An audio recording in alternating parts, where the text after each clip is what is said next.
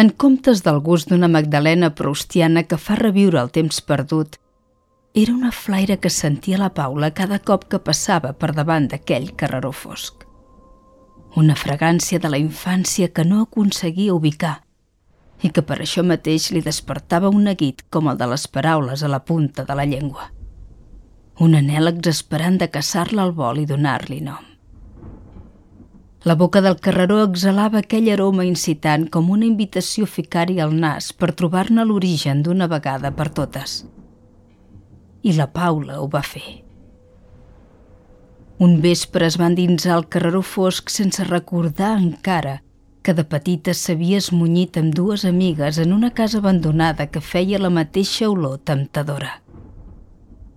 Sense recordar encara que a la penombra les esperava un home somrient amb la boca bruta de xocolata i un pastís blanquíssim a les mans.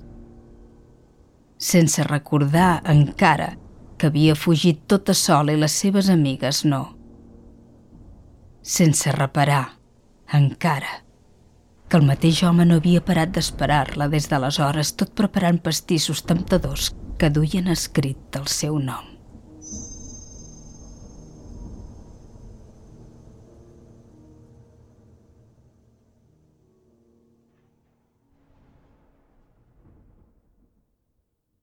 El temps recobrat, de Josep Sampere. Relat guanyador del concurs de microrelats de la microbiblioteca Esteve Balutzier de Barberà del Vallès al novembre de 2018. Enregistrament en veu alta.